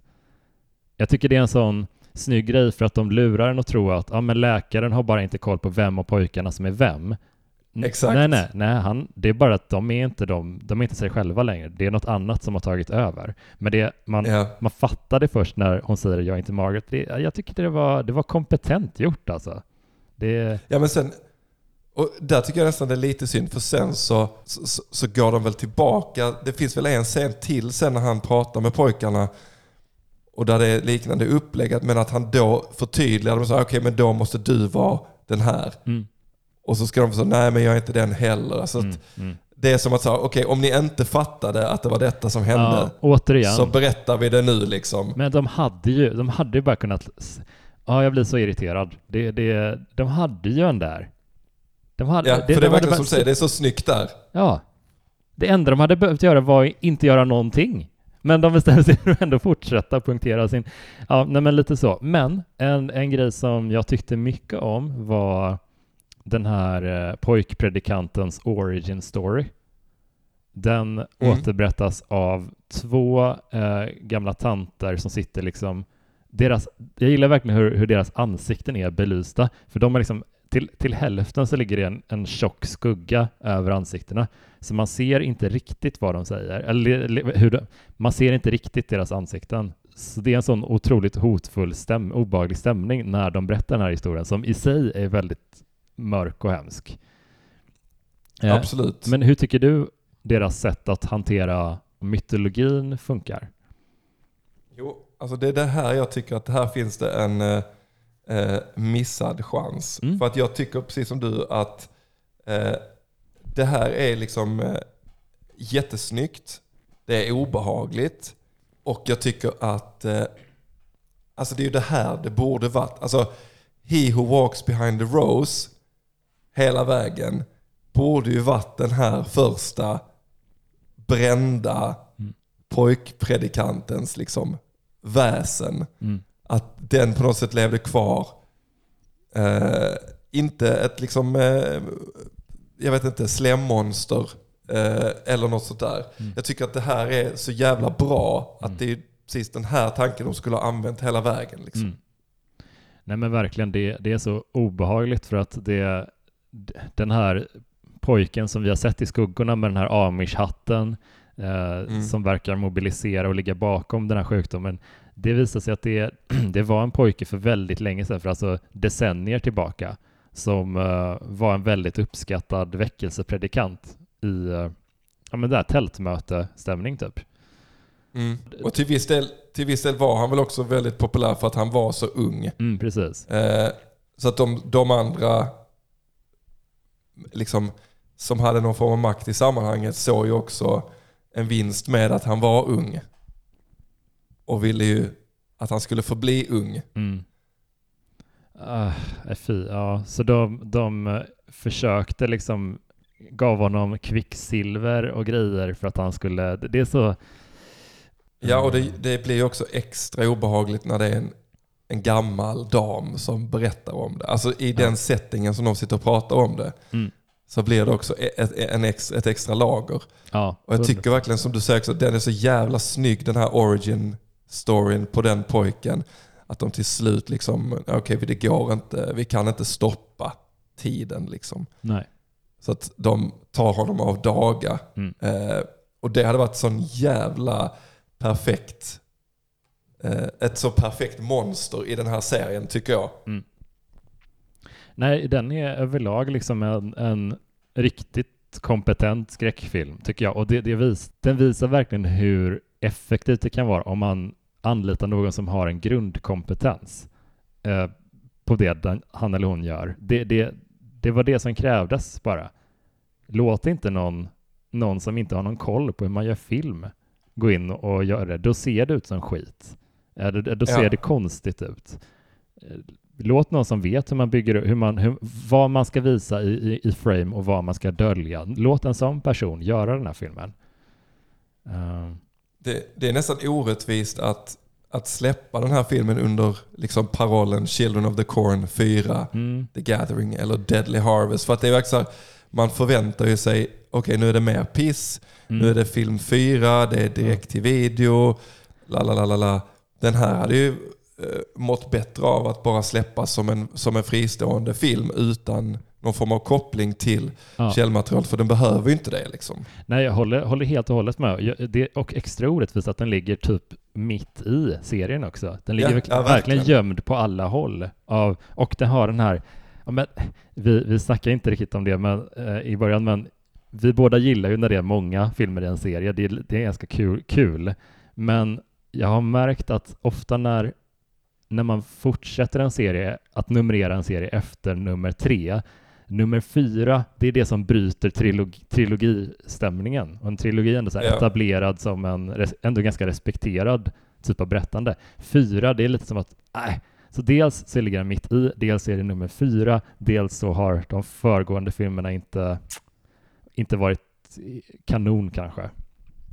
Nej, precis. Alltså det sätter ju, att se den fyran sätter ju liksom ribban att man tänker att det här är skräp. Det är också att ingen kommer se den om man inte har liksom sett de första filmerna och gillar de första filmerna nu mot förmodan, liksom alla de tre. Alltså det är inte som att någon bara säger åh, Children of the Corn 4, den, den plockar vi hem. Nej. Men jag var, äh, jag var genuint jätteöverraskad över, över hur mycket jag tyckte om den och eh, tror att det var, var därför jag Uh, hade, gick ifrån den 2, 3, 4 sviten som jag såg dem i tätföljd, att jag gick ifrån den med en ganska positiv känsla. Jag tyckte det var en, ja. bra film. Det, det, är en, det är en läskig 90-talsskräckis liksom. Ja, jag köper det 100%. Ska vi uh. stänga boken med uh, kapitel 5? Ja, för nu blir det ännu bättre. Children of the Corn 5 Fields of Terror från 1998. Det har alltså gått två år sedan vi fick den fjärde delen som du, både du och jag tyckte, tyckte mycket om. Vi ja. följer här ett gäng ungdomar på roadtrip som kör vilse och hamnar i eh, ja, en starkt majspräglad stad där en kult etablerad av ett otäckt barn härjar. Mycket, mycket bekant uh, so far. Um, men här kände jag ju verkligen att det, det, här blir ju, för varje film mer och mer, så blir det här en, en serie som tar grundkonceptet uh, och placerar det i en kontext som passar för tiden, typ. Uh, för den här ja. typen av skräckisar var ju väldigt 98. Det fanns en hel del tonårs uh, slashers då och folk som hamnade, gick vilse, körde vilse och sådär. Eh, hade sex ja. fast de inte var gifta, sådana eh, vidriga saker. Umgicks eh, liksom med... Ja, ja, verkligen. Eh, det, det ska Prata bestraffas det, och det gör det också. ja, och det är väl den här filmens stora behållning va? Mm. Skulle jag säga. Nej men det här är... Casten här är liksom ett, ett gäng halvanonyma uh, unga skådisar och Eva Mendes i en stor roll. Uh, som väl inte är asbra i den här, tyckte jag inte. Men det, var, det är kul att se henne, typ. Bara. Ja, alltså hon är ju... Uh, i tidigt skede, nu är det liksom, jag, det var länge sedan jag såg något med men hon är ju otroligt vacker. Alltså hon mm. är väl en liksom, det skulle väl de flesta skriva under på. Mm. Och det känns som att här har de ju kastat på att folk har skickat in sina sådana 8x10s. Alltså de har tittat på bilder och så bara så här, okej, okay, henne ska vi ha, han ska vi ha, han som ser ut som eh, någon sån eh, glamour eh, eller Beverly Hills eh, kille. De ser så roliga ut killarna. Jag gillar han med skägget. Ja, hur skulle, du, hur skulle du beskriva det, hans skägg? Eh, som alltså, e- extremt mycket 90-tal. Som att det är helt sjukt. Om jag tittar på hans skägg så är det helt sjukt att han inte har ögonbrynspiercing, spikes och sjunger i ett skatepunkband.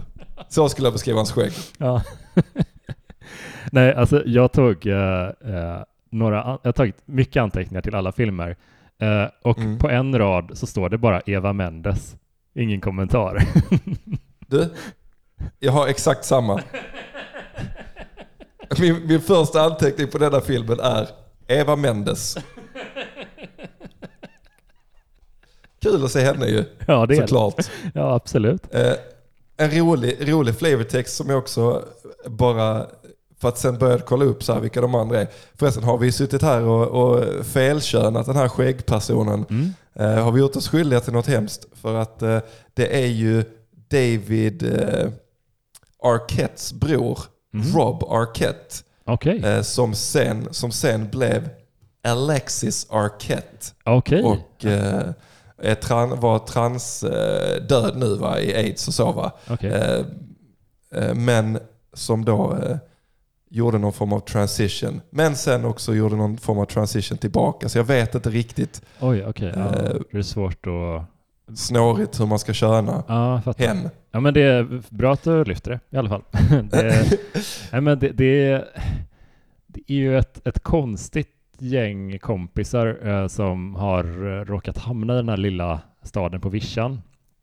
Eh, en av tjejerna, jag kommer inte ihåg vad hon heter som ska spela henne, men man förstår att hon har någon typ av personlig koppling till den här orten de har råkat hamna i. Stacy Galina. Okej. Okay.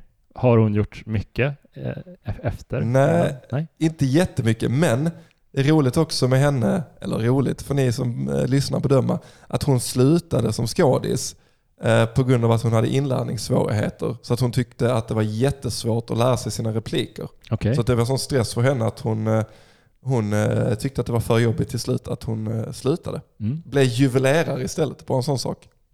Ändå uppiggande tycker jag något helt annat. Ja. det tycker jag är fint. Verkligen. Ja. Men... Uh... Men det är också ro roligt att man tänker att så här, det finns någon form av nidbild att skådisar, lite som fotbollsspelare, så här, är dumma i huvudet. Och, då, och, hon, och hon var så dum i huvudet att hon fick sluta med skådespel. Hon, hon, fick sluta, hon fick sluta med skådespeleriet. Att hon, var, hon var så Åh oh, jävlar. Ja, det, men ro, rolig Bara man för barrel. Uh, men uh, jag gillar den scenen där de här kidsen typ, de, de uh, stannar till på en bar för att ja, fördriva tiden typ. Och då mm. säger de lite så här sinsemellan bara vad, vad mycket vad, vad det luktar konstigt här. Det luktar liksom bränt popcorn typ över hela, hela stan. Och då Mm. Är det någon eh, stammis på baren som förklarar att nej men det beror på att det eh, en snubbe här borta, han är lite av en excentriker, han äger den här farmen här borta. Han är lite som, det här var min favoritreplik i hela filmen tror jag, han är som Howard Hughes fast utan pengarna. Eh, då tänker jag, ja han är bara ensam och konstig. Det, det, det var ett, ja. fint sätt att eh, men det, det kändes som ett, ett medvetet skämt ändå, så att jag tyckte han uppskattar ändå the effort. Du, jag bara tänkte, när de är här på, bar, eh, på baren, mm. och eh, då är frågan, vem är det som är bartender här Jonas? Det är ju ett bekant ansikte, är ju konstigt att säga, för ofta döljs det väl bakom en hockeymask. Exakt! Så på kul. tal om Jason Takes Manhattan. Ja. Kane Hodder. Riktigt sjukt. Det var ett litet Easter egg när man eh, när man såg honom där. Det är sjukt kul för att han var ju också, jag läste det lite, han var ju också så här stuntkoordinator till den här filmen. Samtidigt som han fick ja, spela ja. den här uh, trevliga rollen. Kul! Snyggt plockat. Ja. Uh, men uh, det, den här storyn om den här excentriska gamlingen, det är typ att han har en silo som brinner långsamt och har brunnit i flera år, eh, säger mm. de. Det är någon typ av, eh, ja, jag vet inte, kemisk reaktion, jag fattar ingenting. Men det, det är i alla fall därför det luktar skit över hela, hela, hela stan. Ja, ja. Och den här excentriska Howard Hughes-figuren har då ett antal eh, barn omkring sig som uh, hjälper honom på gården, sägs det. Det är då de som är den här majssekten i den här filmen. Ja. Mm. Och jag, jag, här känner jag här irriterar jag mig också. För att barnen här, är, de är barn på samma sätt som i Åshöjden när man kastade åtta 35-åringar som skulle spela 16-åringar. Ja. Alltså de är ju liksom lika gamla som våra huvudpersoner är. Ja. Fast de har sådana här pippilotter i håret för att de ska och se unga ut. Typ. Och hängselbyxor. Alltså det ser så obehagligt ut. Att det är liksom... Oh, nej, alltså, jag vet inte. Det... Ja, det är kul att du säger det, för jag, en, eh, en annan anteckning jag gjorde lite hastigt var Majskingens lakejer är typ vuxna? frågetecken. ja, jag har skrivit Eva Mendes, sen jag har skrivit vuxna barn.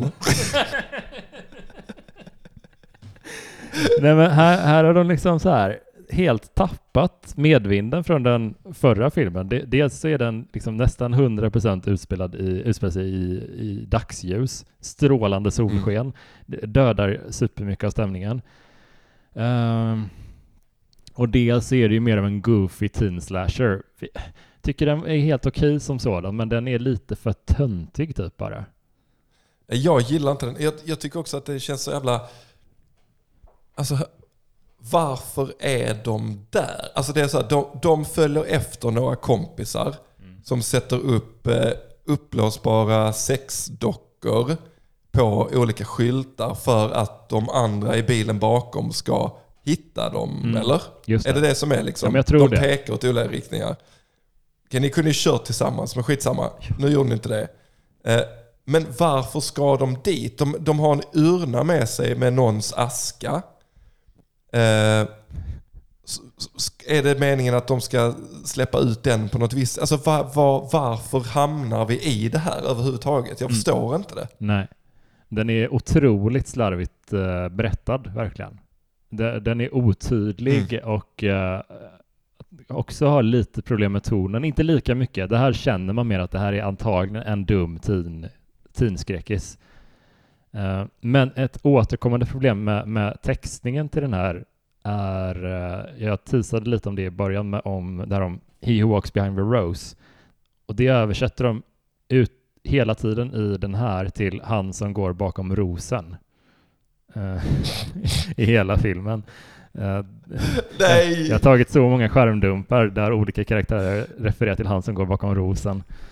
He who walks behind the rose. Uh, oh my god.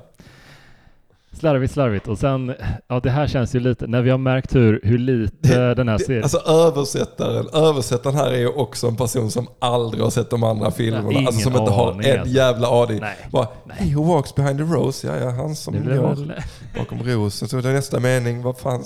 Alltså, nej jag håller med. Det, eh, jag tänker också att uh, det här känns ju som en irrelevant invändning kanske när vi har märkt hur lite den här serien bryr sig om att hålla på sin mytologi.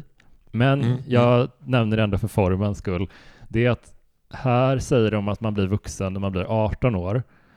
Och uh, då, är det, då är man liksom på fel sida. Då, då är det kört. Uh, mm. Men i typ trean tror jag det är, så refererar de till alla som är äldre än 19. Ja men är det inte också det i första filmen när de tittar på de här födelsedatumen mm. eh, i kyrkboken, att mm. det är 19 hela tiden? Ja. Då är det här, de bara börjar skita i det.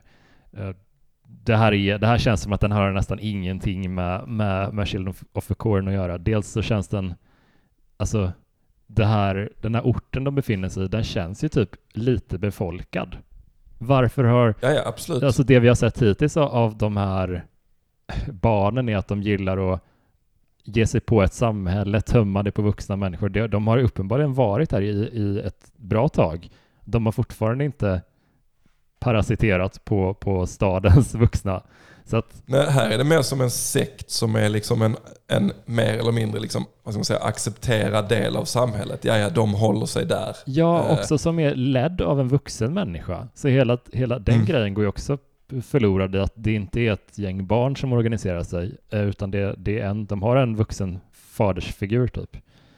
Ja, är jävla märkligt alltså. Ja, och, och det är också en, en, grej som inte håller, alltså man märker ju att trå, den här röda tråden är, de, de förklarar ju typ att han, han respekterar, det de antyder i alla fall är att den här gubben som leder den här lilla sekten, att han är respekterad av barnen för att han räddade något av dem när de var små. Och de ha, ser honom lite som en, en beskyddare, slash fadersfigur. Men så, om man kollar på i, i den tredje filmen, där har de ju typ mm. Eli, den här sadistiska pojkpredikanten, han blev ju adopterad och räddad av ett godhjärtat par som verkligen ville, ville dem väl. Men det spelade ju ingen ja. roll för honom där. Så det finns ju inte en, det finns ingen röd tråd i hur de förhåller sig till sina fäder riktigt. Fast det är, mest, det är mest här de förstör det känner jag. Den här har, det är så många trendbrott den här gör som bara pajar de grundläggande stöttepelarna i hela serien. Ja, ja och, och, och sen i slutet så säger du är det han Ezekiel heter han väl här, han som är ledaren. Liksom. Mm. Så säger väl han att den här vuxna mannen då, gamla, eh, som för övrigt är, spelas av David Carradine, mm. eh, att men han har varit död i flera år och mm. liksom insinuerar att det här är någon form av eh, demon eh, istället som har, han använder hans kropp. Men, också, men varför, varför skulle de då använda en vuxen kropp när hela kulten bygger på att vuxna är liksom, det är så jävla konstigt. Hur, hur tänker den demonen då? Mm. Eh, vad, vad, signalerar det till följarna liksom om, om den ändå väljer en vuxen gestalt som någon form av ledare? Mm. Är det så himla, ja, är, himla bak och fram alltså? Nej, det är så slarvigt. Och, och, om man kollar då på fyran som ändå tog sig en del friheter med, med grundstoryn och grundmytologin, men där förbättrade man ju saker och ting. Där, där, la man, där placerade man element av historien i mörker och det fungerade väldigt bra. Och de, de, ja. de tonade ner monsteraspekten, gjorde det till en mänsklig ondska istället. Funkade superbra. Här tar de typ, de plockar bort saker av grundstoryn och gör det sämre typ. Det är, mm. det är inte en bra film. Alltså den är, det finns inte supermånga underhållande kills heller för övrigt. Jag kommer Nej, Nej jag kommer inte på en enda faktiskt som bara var, det där var, det, det där var en ride att se den där personen få det. Snarare, alltså tvärt, jag bara tänker den här jaktscenen i slutet där eh, hon, huvudpersonen då, det liksom final girl som ska överleva allting när hon blir jagad med den här motorsågen. Mm. Det är så extremt inkompetent Alltså fy fan vad dålig den personen är som jagar och liksom snubblar på sig själv och liksom missar. Ja. Och, alltså det, det, ser så jävla pajigt ut. Ja, men det visar sig då en biten i filmen att den här uh, Final Girl-tjejen, att hon, hennes bror uh, är alltså medlem i den här sektorn. Och uh, den här bro, brodern, han har fått en, en, en tjej tilldelad som sin fru och hon är gravid. Och eh, sen när de alla liksom, de överlever den här eh, hemska massakern, de här två, de här två tjejerna då. Eh, brorsan dör, men tjejerna klarar sig. Och eh, sista scenen, det i hela filmen är ju typ så jävla töntig. För att då mm, är... Extremt ful. Ja, men det arrangemanget de har gjort, de här två kvinnorna, är att eh, brorsans fru betraktas som för ung för att bli mamma. Hon har för mycket av sitt liv framför sig, säger de. Så hon kan mm. inte då ta hand om barnet. Och då blir det, faller det på systerns lott att bli någon sorts modersfigur. Mm. Eh, så sista scenen är då att... Som är eh, så två år äldre? Ja, ja precis. Nej, men hon, hon sitter där med, med bebisen i famnen och sjunger den här uh, Mockingbird-låten, Hush Little Baby, bla bla. Mm. Och uh, när den sången är slut, då är det liksom en inzoomning på uh, bebisens ansikte och sen är det en stillbild på bebisens ansikte. Notera, jag kollar på den här scenen två eller tre gånger för att se vad det var som hände Absolut. där. Den zoomar in, mm. stillbild och sen så flammar en, en grön eld till i ögonen på barnet. Och sen är filmen ja. slut. Otroligt fult. Jag har också anteckningen bebisens ögon. Mm. Eh, just för att det var så, så, just att det blir som att ja, de, de slutar ju på en stillbild. Men den här elden rör sig ändå i ögonen på något sätt. Liksom. Och sen blir, det, sen blir det svart. Fast mm. de här små eldcirklarna är liksom kvar en liten stund till. Mm. Och sen kommer eftertext. Alltså det är oh. bara så jävla fult. Ja, det är så fult, fult, fult. Det jag, jag tyck, tyckte, tycker nästan att det här är, det här är nog den sämsta filmen i, av de här fem, ja, fem, sex vi har sett idag. Jag tyckte den här var riktigt dålig. Uh, ja, den, är ju, alltså den här är ju den absolut tråkigaste att titta på. Ja, det är den. Den är kastskådespeleri, uh, tråkiga kills, uh, pissdålig atmosfär, ingen, ingen mörker, en, alltså typ i knappt en enda scen, det är bara dagsljus och trök hela tiden. Uh, nej, men det finns ingen goofiness heller. Det, det, finns inget, inget att ta med sig från den här alls. Nej. Och, och sen nu när vi ska titta på sexan då, mm. så är väl det en, om jag har förstått rätt, direkt uppföljare till femman. Mm. Underbart. Det har jag för mig att jag såg. Jag hoppas att jag har sett fel. Mm. Eh, och det, men den heter ju Isaacs Return, så Ja. Tänk om det är att den här lilla bebisen då blir någon form av återfödd. Ja. Jag vet inte. Ja. Vi, vi har ju att se fram emot, det kan vi konstatera. det hör jag det. ja, okej, okay, men eh, vi gör så här, vi behöver ju ta en liten, eh, en liten paus på, det, på ett tag eh, innan vi återkommer till de resterande känner jag. Eh, ja. vi, har, vi har mycket kul, du och jag poddar om också, till exempel eh, Dark Tower som vi har tagit lite sommaruppehåll i. Men vi, yes. vi kan nämna det för, för att lyssna att vi kommer, det är runt hörnet det också. Så att uh, ja, det, det kommer. Uh, men uh, vad... Och då är det ju toppen grejer på dem va? Ja, exakt. Det, vi behöver det också. Men, och sen har vi också Needful Things som vi kan uh, bränna av definitivt. vid tillfälle. så det är mycket kul. Men vad, baserat på det vi har sett och pratat om idag, vad tro, vad tror du vi har att förvänta oss av rest, andra halvan av Children of the Corn-serien? Eh, mycket skit tror jag, mm. tyvärr. Eh, men jag har ändå alltså fyran gav mig ändå hopp om att det skulle lika gärna kunna vara så att sexan, eller sjuan, eller åttan, eller nian för den delen, varför inte tian eller elvan, att någonstans att någonstans där... Ja, varför skulle inte Children of the Corn 11 kunna vara en underbar film? Det är det du Precis. Tänker, men, ja, men, nej, men varför skulle inte den kunna vara gjord med lite kärlek och lite hantverk och lite någon som har gjort sin egen grej men tagit det på allvar? Ja, jo. Och liksom, det kan ju hända. Ja. Jonas, säg ja. att det kan hända. Ja. Det kan hända. Jag håller verkligen tummarna.